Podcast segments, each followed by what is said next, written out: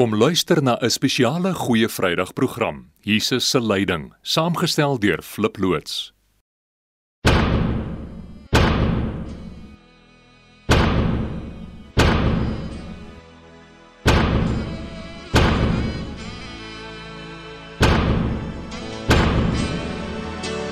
O, oh, daar was 'n hoop kruis. Ja, redder kruis vasgeslaan. Ja, daar was 'n hoop kruis. En daarom sal ek sing. Ek kon toe vir Dawid voor die ark het hy gedans en jy na die kruis van Jesus. Hoe sal ons kan hande vol en swai Want daar was 'n hoop kruis Ja redder dan 'n hoop kruis vasgeslaan Ja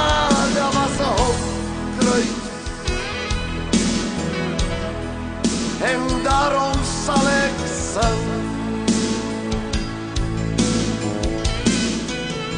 Wie sal my kan stil maak? Wie sal my gitaar se snaar afbreek? Wie sal my kan doodmaak? My voet en dans wil los wil breek Want daar was 'n hoop kruis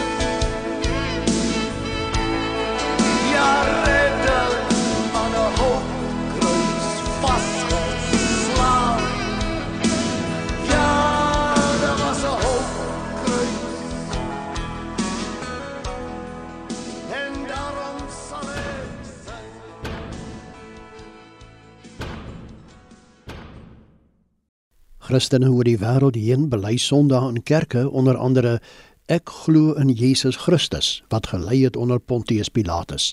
Maar wat gaan deur ons gedagtes wanneer ons aan die lyding dink? Dalk net die bloed, die doringkroon en spykers deur sy hande en voete, terwyl die lyding veel meer is. Die lied is baie waar wat sê: Vervul o Heer my hart met stille wyding waar ek herdenk die diepte van u lyding, hoe u daar aan die kruis vir my gesterf het my huil verwerf het. U lyding breek my trotse hart en rede. Dit buig my neer en skep in my u vrede. Dit bring die huil wat my God se teestander tot vriend verander.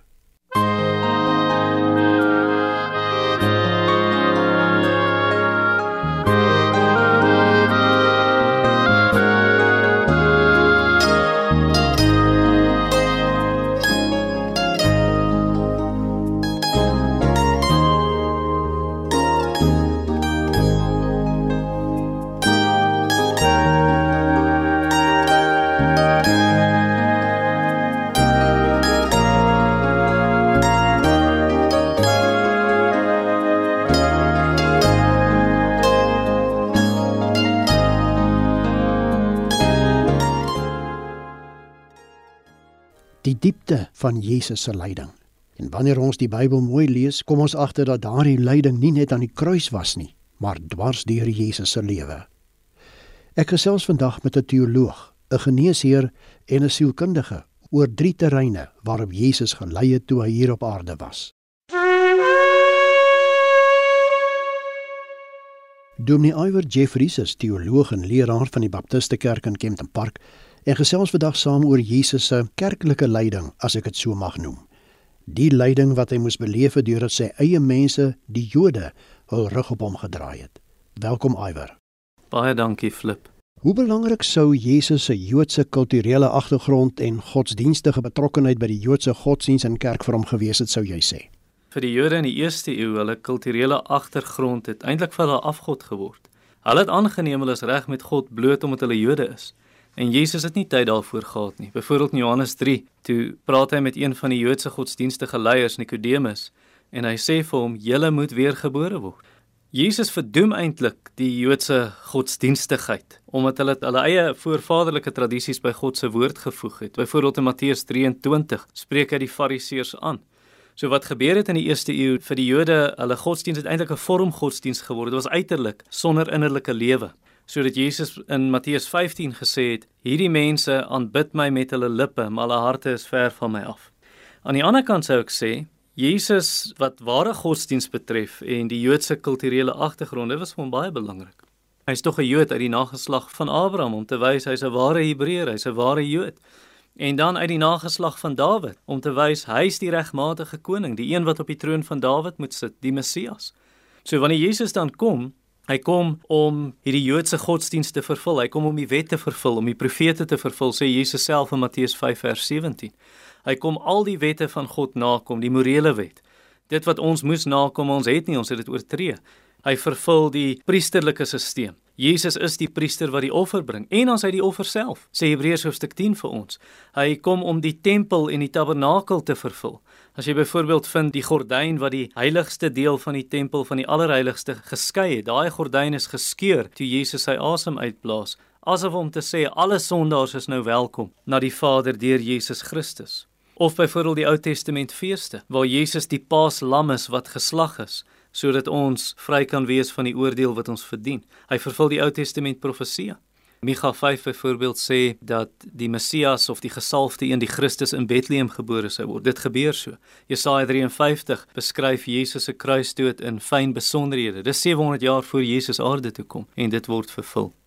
Nou lees ek iewers dat iemand skrywe die verhaal van Jesus is eintlik 'n geweldsverhaal teen Jesus. Hy word verwerp. Ons lees hier Johannes 1 vers 9 tot 11 hoe dat hy eintlik deur sy eie mense verwerp is. Hy word gehaat, vervolg en uiteindelik ook doodgemaak. Waarom so 'n drastiese reaksie teen Jesus? Eintlik begin die probleem in Genesis 3 met die sondeval toe die slang vir Eva sê: "Basies sê hy, julle hoef nie God oor julle te hê nie. Julle kan julle eie God wees." Van daar af wil die mense eie God wees. Hy wil nie aanspreeklik wees nie. Hy wil leef soos hy wil leef. So toe God nou aarde toe kom en hy word mens, toe verwerp die mense hom. Hulle verag hom en op die einde vermoor hom want hulle haat hom en die Vader wat hom gestuur het. Jesus self sê dit in Johannes 15:23 en 24. En is nog steeds so. 1 Johannes skryf die apostel in hoofstuk 2 vers 22 en 23 wie nie die seun het nie het ook nie die vader nie. Soos jy die seun verwerp, verwerp jy eintlik die vader ook. En dis 'n jammerte want God soek die sondaar se voordeel. Die bekendste vers in die Bybel sê dit. So lief het God die wêreld gehad dat hy sy eniggebore seun gegee het sodat elkeen wat in hom glo nie verlore mag gaan nie, maar die ewige lewe mag hê. Dan die volgende vers, want God het sy seun nie in die wêreld gestuur om die wêreld te veroordeel nie, maar dat die wêreld deur hom gered kan word. Wanneer ek in Lukas lees, blyk dit baie duidelik dat dit die Joodse leiers is wat vir Jesus se dood verantwoordelik gehou kan word. Nou Jesus was self 'n rabbi, sou dit dan nie te verwagte wees dat die ander rabbies en kerkleiers hom eerder sou ondersteun nie. Waarom het hulle teen hom gedraai en hoe moes dit bygedra tot Jesus se lyding? Al die rabbies of Joodse leermeesters, die geestelike leiers, hulle is teen Jesus gekant. Die rede is want hulle is godsdienstig, maar hulle is nie gered nie.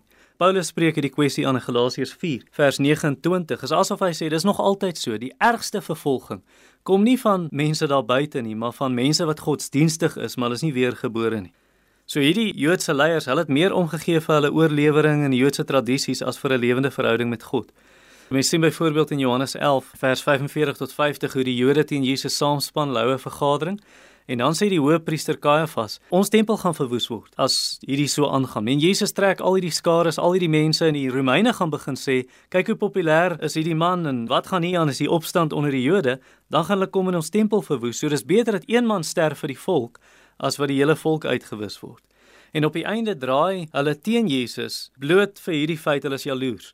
Pilatus het dit besef in Markus 15 vers 10 uit gesien dis uit nydigheid, dis uit afguns, dis uit jaloesie dat die Joodse leiers vir Jesus oorgelewer het. Juis omdat hy populariteit gewen het en Jesus trek volgelinge na hom toe. En is te verstaan, sy lering is eenvoudig, mense verstaan dit, sy lering is kragtig. Hy haal nie rabbi so en so aan nie, hy sê net voorwaar ek sê vir julle. Hy kom met die gesag van God en dan natuurlik sy liefde vir mense, sy omgee, sy deernis. Dit maak dat mense kom en dan die wonderwerker. En die gevolg is, die geestelike leiers wil nou van hom ontslaa raak. Hy raak nou vir hulle 'n bedreiging. Hy steur hom net nie aan voorvaderlike gebruike en tradisies nie en hulle haat vir Jesus en nog 'n rede want hy skroom nie om hulle aan te vat nie. En jy kan dink hoe hierdie teenkanting sny in Jesus se hart.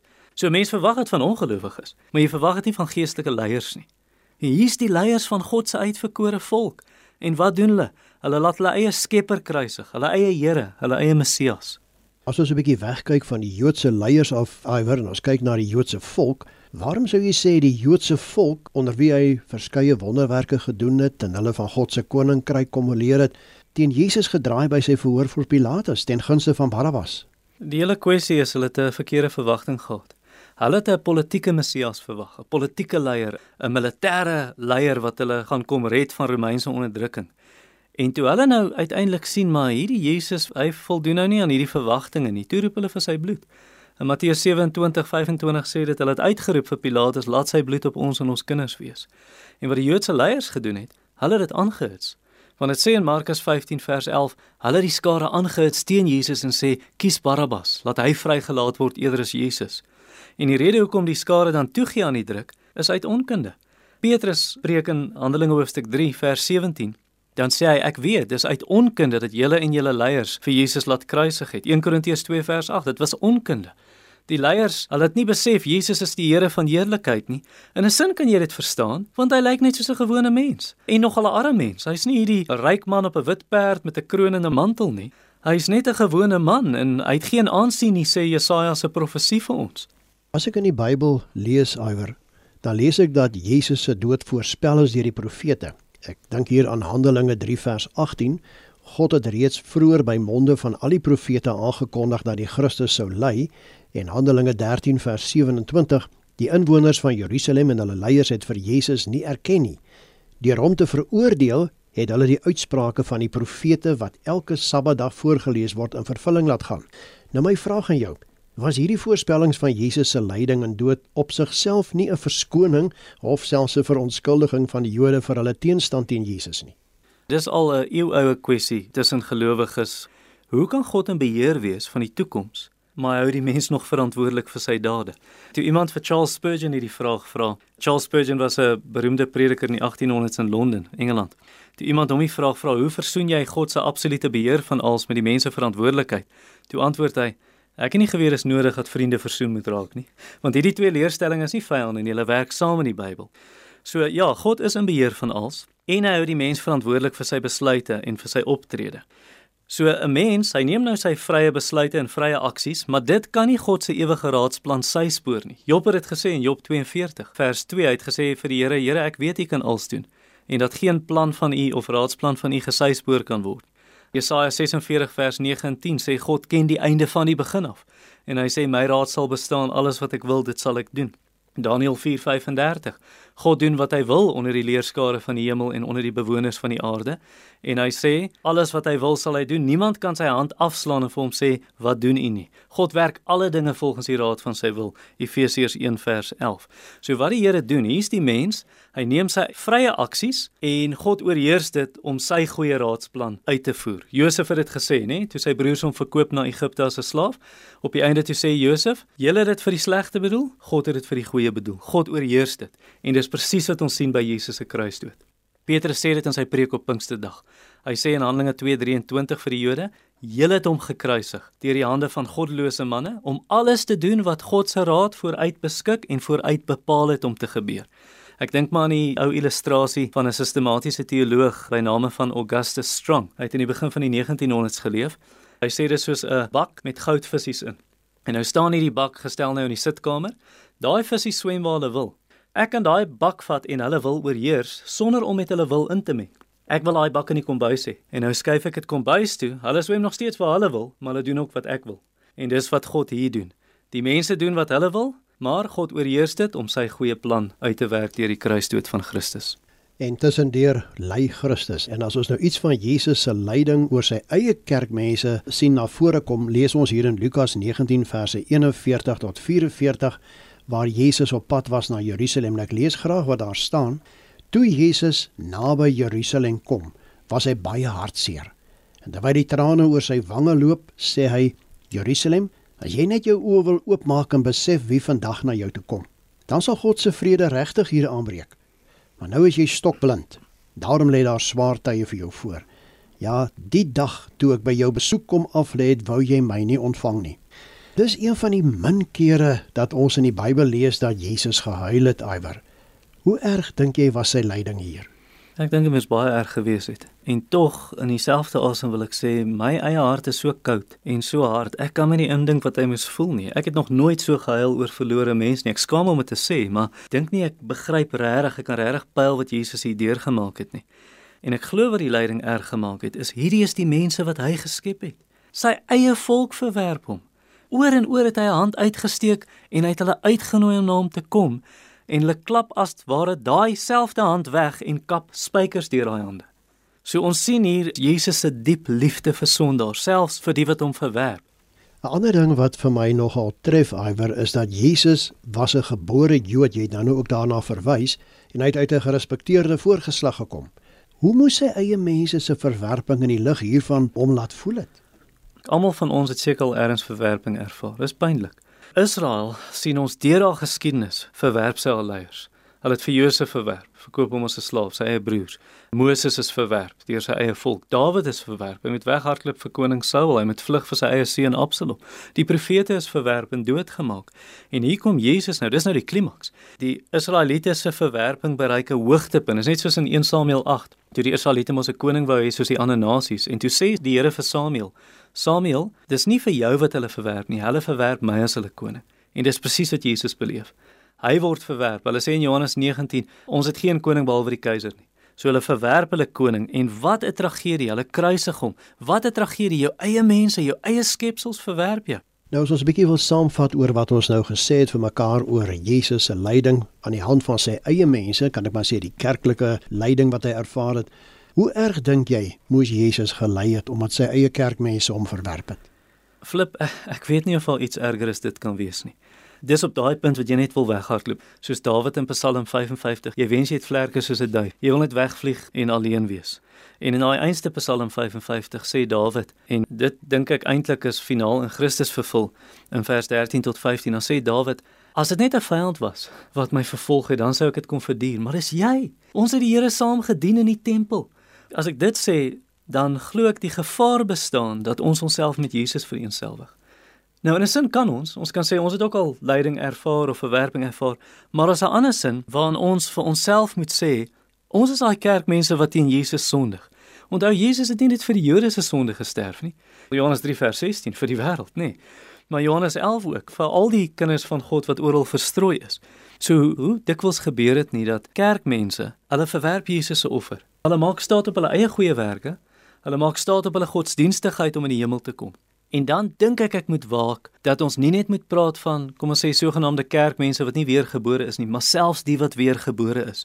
Wat 'n pyn, wat 'n hartseer bring dit nie na die hart van Christus wanneer ons teen hom sondig nie.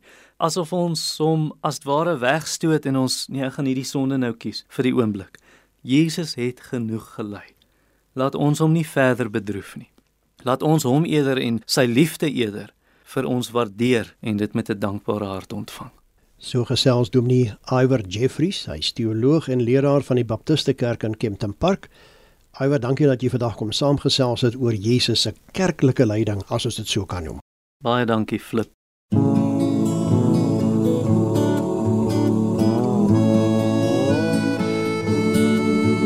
In die skemering, daardie gruweldag, het ek teruggegaan.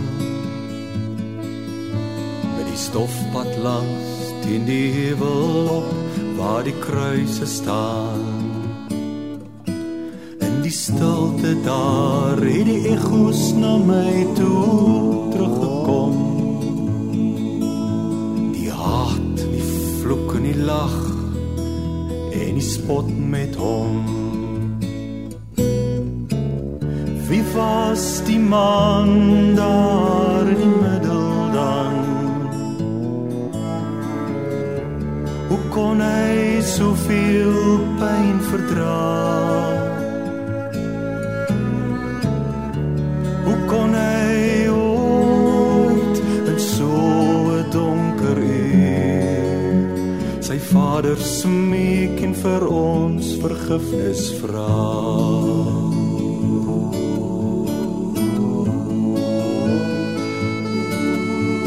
Ek onthou nog goed. Een keer toe ek nader kom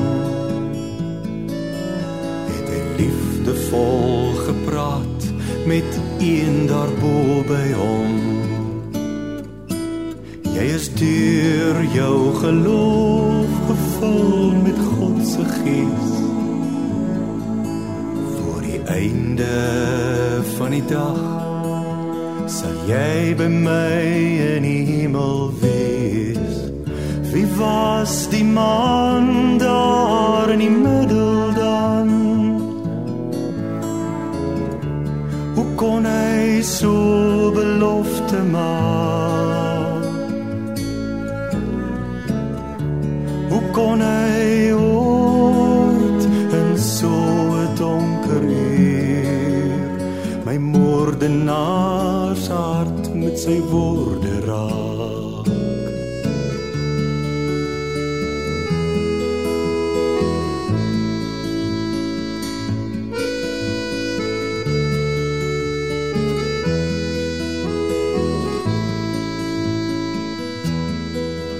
En terwyl ek nog daar staan, praat hy sag met my. Bloed daar aan jou spies, wys ek het vir jou gelei. En al wat ek jou vra, gaan op jou knieë neer. Geef vir my jou las, aanvaar my as jou Heer. Was die man daar in die middel dan tog hy dan tog my sondes vergewe? Hulle sê hy het gesterf. Hy het so my prys betaal dat ek vir altyd altyd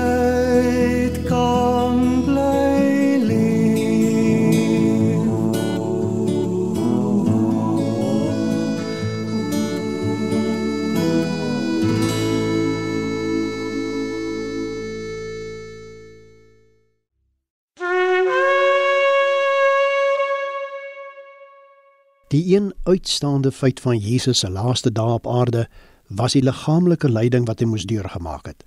Om ons te help om dit beter te verstaan, gesels ek vandag telefonies met 'n geneesheer, Dr Gerard Skoombie van Stellenbosch in die Kaap. Welkom Gerard. Baie dankie Flip. Gerard, ons praat nou oor die lyding van Jesus, sy fisiese lyding. Tot hoe ver kan die menslike liggaam pyn verduur? Dit hang baie af van verskillende faktore. Dit hang af van jou fisiese vorm of jy moeg is, as jy min geslaap het, as jy geen kos gehad het nie, as jy baie ver moes loop en jy's moeg, dan is dit baie moeilik om dit te hanteer. En dit hang af ook van jou emosionele status. Waar is jy in jou lewe? Is jy op 'n goeie plek of is dit emosioneel afgetakel? Al daai faktore gaan bepaal hoe jy pyn kan verduur. Die ver stap wat Jesus gehad het, uit deur die Kidron vallei gestap om by die tent van Getsemane aan te kom. So hy was moeg, min geëet, min geslaap. So ek dink dit sou baie groot faktore gewees het van hoe ver sy menslike liggaam die pyn kon verduur. Watter effek sou die volgende op hom fisies gehad het? Ek noem nou hier byvoorbeeld die houe waarmee hy geslaan is. Die Joodse raadslede slaan hom met hulle vuiste, soldate klap hom. Ander soldate slaan hom herhaaldelik met 'n stok oor die kop en Jesus word ook gegeesel. Watter soort hoofbeserings en liggaamsbeserings sou 'n mens hier kon verwag? Die feit wat ons moet in gedagte hou flip ook is dat Jesus was vasgebind en hy was ook geblinddoek. Hy kon hom nie self verdedig nie en hy kon ook nie weet van waar af en wanneer die houe gaan kom nie. So dit het dit baie erger gemaak met daai sweep wat hy geslaan is, die verskillende rieme wat aan die sweep vasgemaak is met stukkies been en stukkies metaal wat daar vasgeheg is om meer skade aan te rig. So wat hy sou gehad het was kneusings, dan ook kon hy harsingskinning gehad het, sy spiere geskeur op sy rug en dan ook bloedverlies, jy weet, mense raak geskok, so jy raak al swakker omdat daar bloedverlies is. So al daardie faktore sou ingekom het met die beserings wat hy kon opgedoen het met die houe waarmee hy geslaan is. Gerard ek lees in Markus 15 van die doringkroon wat op sy kop gesit is. Watter soort pyn kon dit veroorsaak? Ja, flip, ek dink ons almal weet wat veroorsaak dit as ons in een doring trap en dit brand. Ek dink met die doringkroon wat hulle vir hom opgesit het, het dit bloedverlies veroorsaak, dit het pyn veroorsaak want 'n mens se gesig is 'n baie sensitiewe area in jou liggaam ook. Jy het nou daarna verwys dat hy ver moes stap en natuurlik baie vermoeid en moeg was en nou is daar ook die dra van die swaar balk van die houtkruis. Ek weet op 'n stadium het hulle iemand anders gedwing om dit te dra. Hoe moes dit sy verswakte gestel beïnvloed? Die skuur op sy skouers, die druk op sy bene, die moegheid en so kan ek seker aangaan. Ek het bietjie gaan oplees om te kyk hoe ver was hierdie pad wat hy moes gestap het van waar hy veroordeel is tot op Golgotha. En volgens die ou Jerusalemse afmetings was dit 'n pad van ongeveer 600 meter. In daai stadium was hy geskok, hy was ontwater, sy spiere was geskeur. So al daardie dinge moes hy hierdie 35 tot 40 kg dwarsbalk op sy skouers dra. So ek dink hierdie feit dat hy kon loop nog met so swaar ding op sy skouers kan 'n mens jou indink dat dit moet uiterste inspanning gevat het vir hom om dit te kon doen. Jy weet dit het dit soveel moeiliker gemaak vir daai moe spiere in so 'n mate sodat net toe hy deur die poort gegaan het, het hy in mekaar gesak en moes hulle iemand anders kry om dit vir hom te dra. As ons nou kom by die kruisiging self. Ek dink hier aan die spykers en as ek nou reg verstaan, is dit sonder verdowing deur sy hande en voete gekap om dit nou vas te heg aan die houtbalke. Watter senuwees kom daar ter sprake en watter soort pyn sou dit veroorsaak? Hoe verduur 'n mens so iets? Ja, dit moet seker een van die seerste, pynlikste goed wees. Die senuwees wat in jou hande is, is geweldig sensitiewe senuwees want die punte van jou vingers, mense lees brail met dit, mense voel kleinste detail met hulle vingers. Mense kan self dink jou voete. Hoe seer dit is as iets in jou voet steek. So dit is die areas in die liggaam waar daar ook die meeste senuwees na toe gaan behalwe jou gesig.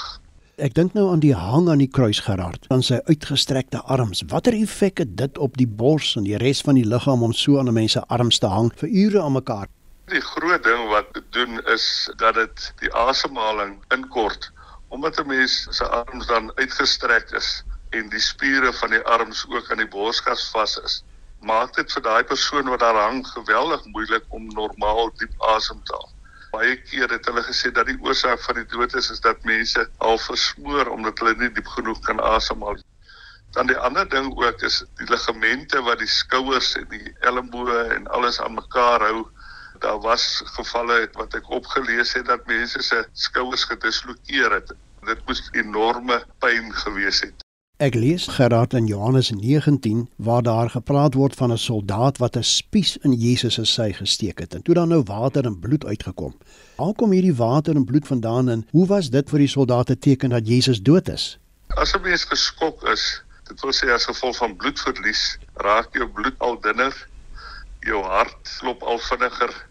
Dit veroorsaak dan dat daar vog vorm rondom die longe en ook in die sak rondom die hart Die ander ding is dat met die dood lek van die vog wat in die bloedvate is uit in die holtes rondom die longe en ook in die buikholtes in. So al hierdie faktore was dan 'n teken daarvan dat hierdie persoon dood is. Jy is genees hier Gerard. En as jy nou na hierdie hele situasie kyk van Jesus se kruisiging daar op Golgotha en alles wat daarmee saamgegaan het, volgens al die beskikbare getuienis in die Bybel, hoe sou jy sê hoe erg moes Jesus se liggaamlike lyding gewees het? Mens kan dit niks anders te sê as die ergste menslike pyn moontlik. Die Romeine weet ons het die mense wat die grootste oortreders was gegeesel en dan gekruisig om as 'n afskrikmiddel te dien vir mense om nie die verkeerde te doen nie. So hulle het 'n manier gesoek om jou so pyn te veroorsaak dat dit ook 'n lyding is. Daarom het hulle destyds gesê dat hulle hulle 39 houe moet sweep slaan het want hulle het geweet as jy 'n ou 40 houe slaan is die kans dat hy sal doodgaan. En hulle wou nie gehad het dat die persoon wat gegeesel is dood wees nie. Hulle wil hom nog ook gekruisig het so dit is die ergste moontlike menslike pyn wat hulle kon op iemand toepas. En nou so ten slotte Gerard as ons nou dink aan alles wat ons nou gehoor het en waar ek en jy nou gesels het en wat die Bybel beskryf rondom Jesus se sterwe hoe waar is die feit vir jou as medikus dat Jesus regtig dood was ek moet gaan ook op wat ek in die woord lees, wat ek daar sien. Toe die mense gevra het dat die drie gekruisigdes se bene gebreek word om te bewys dat hulle dood was, het die soldate die ander twee gekruisigdes se bene gebreek en toe hulle by Jesus kom staan dit daar dat hulle kon sien dat hy dood was en daarom het hulle die spies gebruik om in sy borskas in te steek om dit net vir die mense te wys rondom hulle ook dat hierdie persoon is dood. En as ek kyk na die tydperk wat hy gehang het aan die kruis van vroegoggend af tot laat in die middag was dit fisies onmoontlik vir hom om te bly lewe dis ons as mense nie moontlik om ons regtig in te dink hoe erg Christus se lyding was nie. Niemand weet wat pyn is voordat hy dit self gehad het nie. Dis eers as jy in 'n verhouding staan met die persoon wat die pyn deurgaan, wat jy vir jouself kan indink wat daai persoon moes deurmaak. Wat vir my heeltemal uitstaan nadat ek al hierdie goed gelees het is, dis nie wat gebeur het nie, maar hoekom het dit gebeur? 'n Mens sal eers verstaan hierdie lyding van Christus as 'n mens kyk en jy ken hom, want dan weet jy wat het hy deurgemaak en dan weet jy hy het dit gedoen sodat jy as mens in 'n verhouding weer met Christus in God kon herstel word. Ek kan huil daaroor om te dink dat die persoon vir wie ek so lief is, Jesus Christus, dat hy bereid was om al daardie dinge deur te maak om my te red. Dit is my die grootheid van al hierdie feite wat ons kan lees in die Bybel. So gesels dokter Gerard Skoombie, hy is medikus, hy's 'n dokter daar in Stellenbosch. Gerard, dankie vir jou deelname.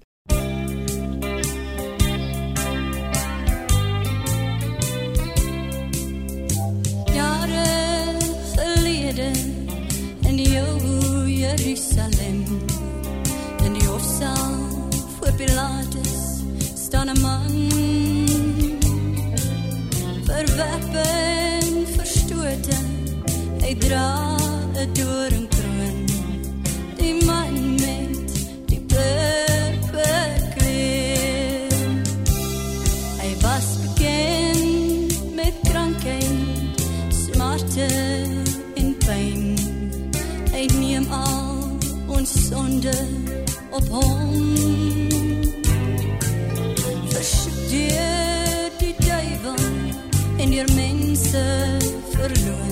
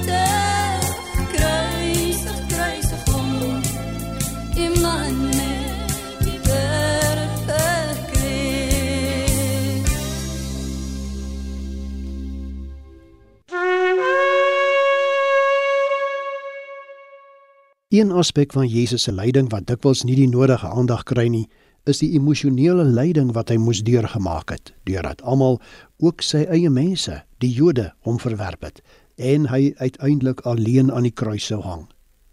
Wat sou daar moontlik alles deur sy gedagte gegaan het? Dr. Rudy Ritgaard, sielkundige van Pretoria, het ingewillig om ons hiermee te help. Welkom Rudy. Baie dankie. Rudy, omdat Jesus werklik mens was, blyk dit in die Bybel dat hy tydens sy lewe op aarde sy pad na die kruis emosioneel intens moes beleef het. Hy het dikwels vroeg in die môre alleen gaan bid lees ons en onmiddellik kom die vraag by my op waarom so? Is dit 'n teken van 'n gevoel van alleenheid en gebrek aan ondersteuning deur ander of miskien eerder dat hy die ondersteuning van God nodig het vir wat voorlê en ook sukkel om dit te dra? Ek dink dit is sy behoefte aan intimiteit, aan 'n persoonlike, private gesprek met God, want dit is uiteraard wat dan gebed ook is, is om met God te kommunikeer. Dit dui ook op sy diepe afhanklikheid 'n bietjie later in Getsemane is mens sien wanneer die mens betrokke raak is daar gebrokenheid. Petrus en Jakobus en Johannes wanneer daar gevra word om te bid, hulle word vaak in slaap. So ja, ek dink dit was sy behoefte om aan alleenheid die ondersteuning van God te geniet. Jy het nou net daarna verwys dat sy disippels het aan die slaap geraak, Rudy. Hoe moes Jesus dit beleef het dat sy naaste disippels, hulle kon nie wakker bly nie, hulle kon nie saam met hom waak nie. 'n Mens vind iets daarvan in die emosionele toestand van Jesus. In Matteus 26:37 sê Matteus: "Groot ontsteltenis en 'n benoudheid het hom oorval." 'n Mens kan aanvaar dat daar baie hoë vlakke van angs en spanning en ja, selfs paniek was. Christus self sê: "Ek is benoud tot sterwens toe."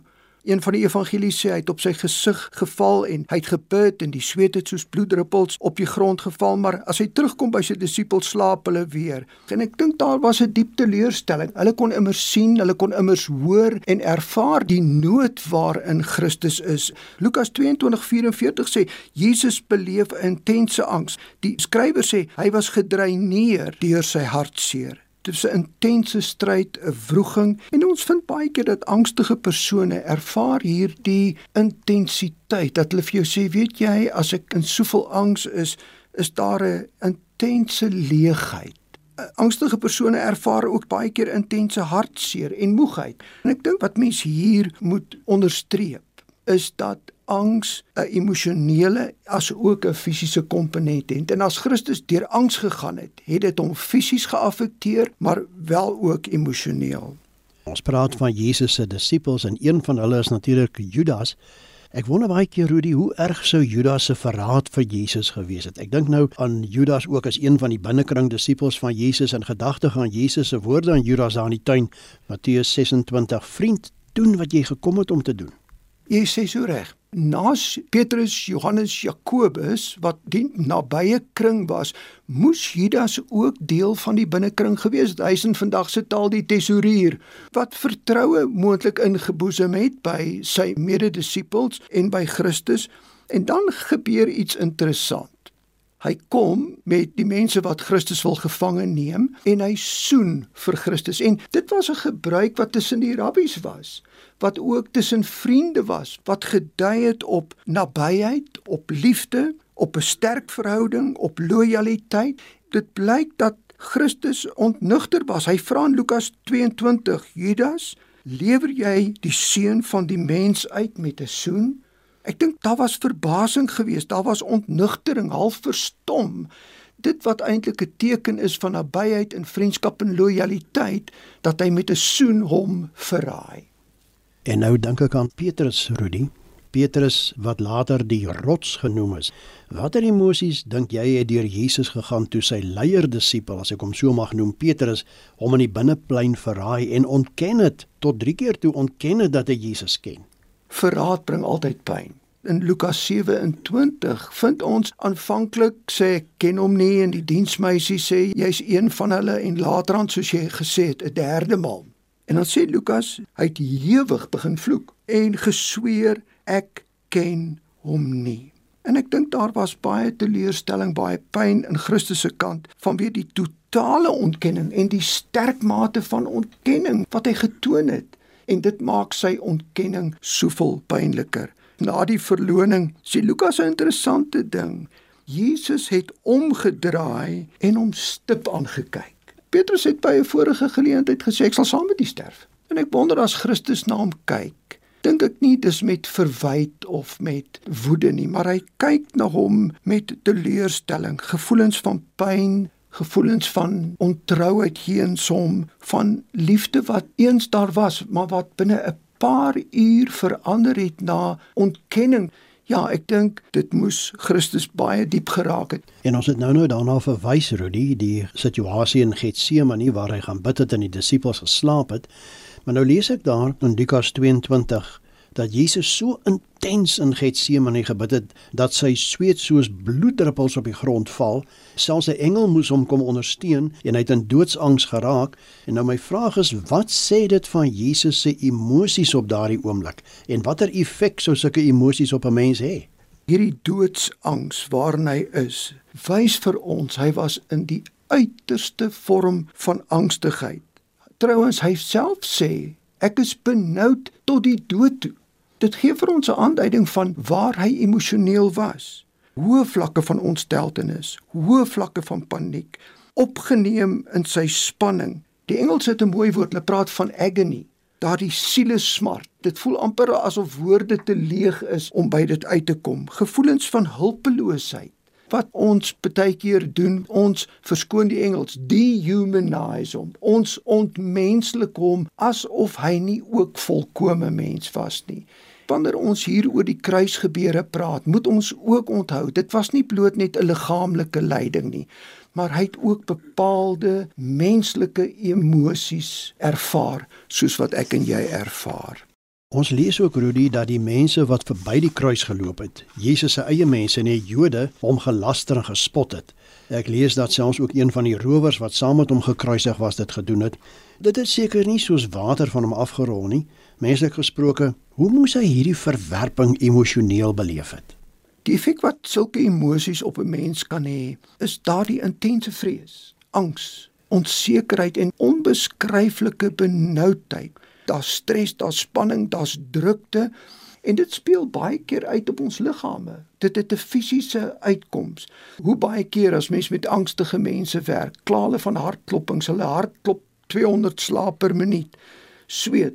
Mense begin bewe, kort asem, daar's asemnood.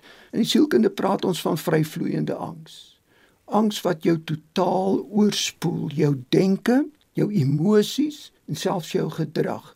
So ja, ek dink dit het totaal sy lewe oorspoel op daardie tydstip. Hoe danig sou sy alleenheid aan die kruis, dis nou sonder sy disippels, verwerp deur sy eie mense bygedra tot 'n emosionele lyding. Ek dink die gevoel daar is intense eensaamheid, verlatenheid, daardie pynlike emosie van om alleen te wees. Vir my interessant dat terwyl hy aan die kruis is, hy jy twee pole. Aan die een kant hierdie alleenheid. Aan die ander kant kyk hy na Johannes en hy's besorg oor sy ma. En hy sê in sommer in my vertaling: Johannes, kyk na my ma. 'n Ander gedeelte is die rower aan die kruis. Aanvanklik spot hy saam en sê as u nou die Messias is, kom van die kruis af en bring ons ook sommer saam. Maar dan kom hy tot insig en hy sê die bekende gedeelte, dink aan my en Christus sê vandag as ek in die paradys is. Christus maak selfs plek vir die rower hier aan die laaste uur van sy lewe. So ja, ek dink twee groepe emosies, aan die een kant eensaamheid, maar ook jammerte en ook ruimte vir die sondaar. Maar nou die grootste vraag. Watter emosies dink jy moes Jesus ervaar toe hy aan die kruis uitgeroep het: "My God, my God, waarom het U my verlaat?" Ek dink die oorheersende emosie is dat hy aan homself oorgelewer was. Nou ervaar hy God se afwesigheid. Ek dink 'n ander emosie is een van magteloosheid. Vir hom het hy besef ek is in die ding en ek moet deur. Hierdie beker moet ek drink tot aan die einde. Ek dink gevoelens van hulpeloosheid. Ek is alleen. Daar's 'n onomkeerbaarheid van die situasie. My disippels staan 'n hele end weg en selfs my Vader het my verlaat. Ek dink dit is weer eens daardie intense pyn van ek is totaal alleen in hierdie stryd. Rudy asielkundige, vat vir ons bietjie saam. Hoe korrek sou dit wees om te sê dat Jesus nie net godsdienstig en fisies liggaamlik gelei het nie, maar tog ook emosioneel erg gelei het tot met sy sterwe. Dit is absoluut waar. Ek verstaan iets van Filippense 2 as Paulus sê alhoewel hy God was, het hy nie in die nuwe lewende vertaling sê aan sy godheid vasgeklou nie, maar hy het slaaf geword en 'n mens geword om aan ons gelyk te wees. Volkomme mens met die volle spektrum van menslike emosies. Hy het blydskap ervaar, hy het woede, hy het afkeer, hartseer, hy het frustrasie, hy het medelee, maar ook angs, vernedering, eensaamheid. Daarom is die kruisiging nie bloot net fisiese lyding nie, maar behels ook emosionele pyn. So gesels Dr. Rudy Ritgard wat vandag hier by my kom kuier het om bietjie te gesels oor Jesus se emosionele lyding.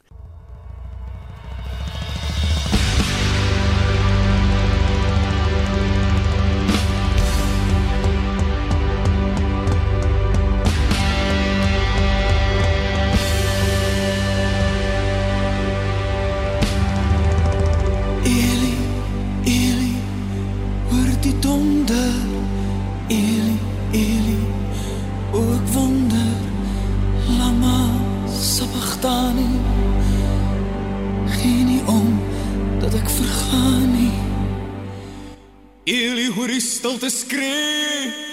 Eli, o my siel gee mee. Lama sabachthani. Sê droom, dis glad nie waar nie. Ek is alleen. Ek is alleen. Ek is alleen.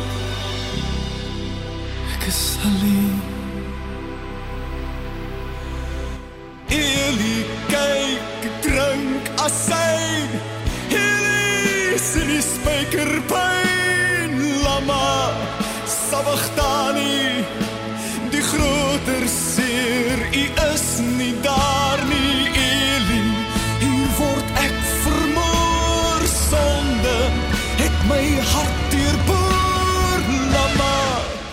sabachthani.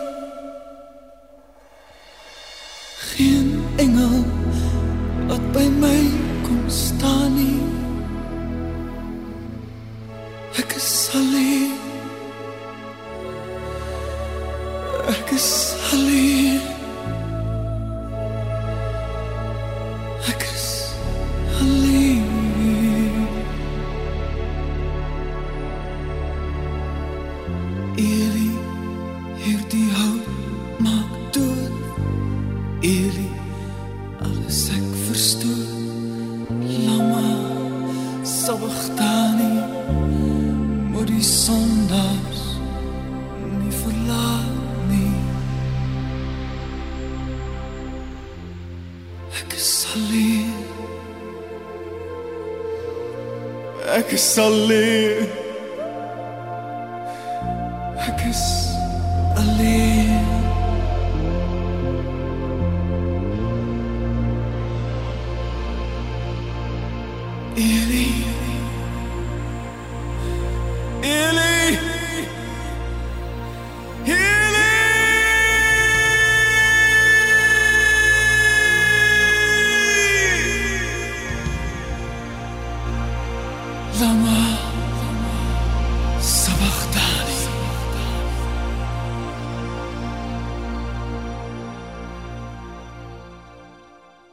Inderdaad, Jesus se lyding was allesomvattend, soveel so dat ons saam met Petrus kan sê, na mate julle gemeenskap het aan die lyde van Christus, moet julle bly wees, sodat julle ook by die openbaring van sy heerlikheid met blydskap kan jubel. Want op elke terrein waarop Jesus gelei het, het hy afgereken met my vrese en kommer en eensaamheid. En daarvoor kan ons vandag net bely, soli deo gloria.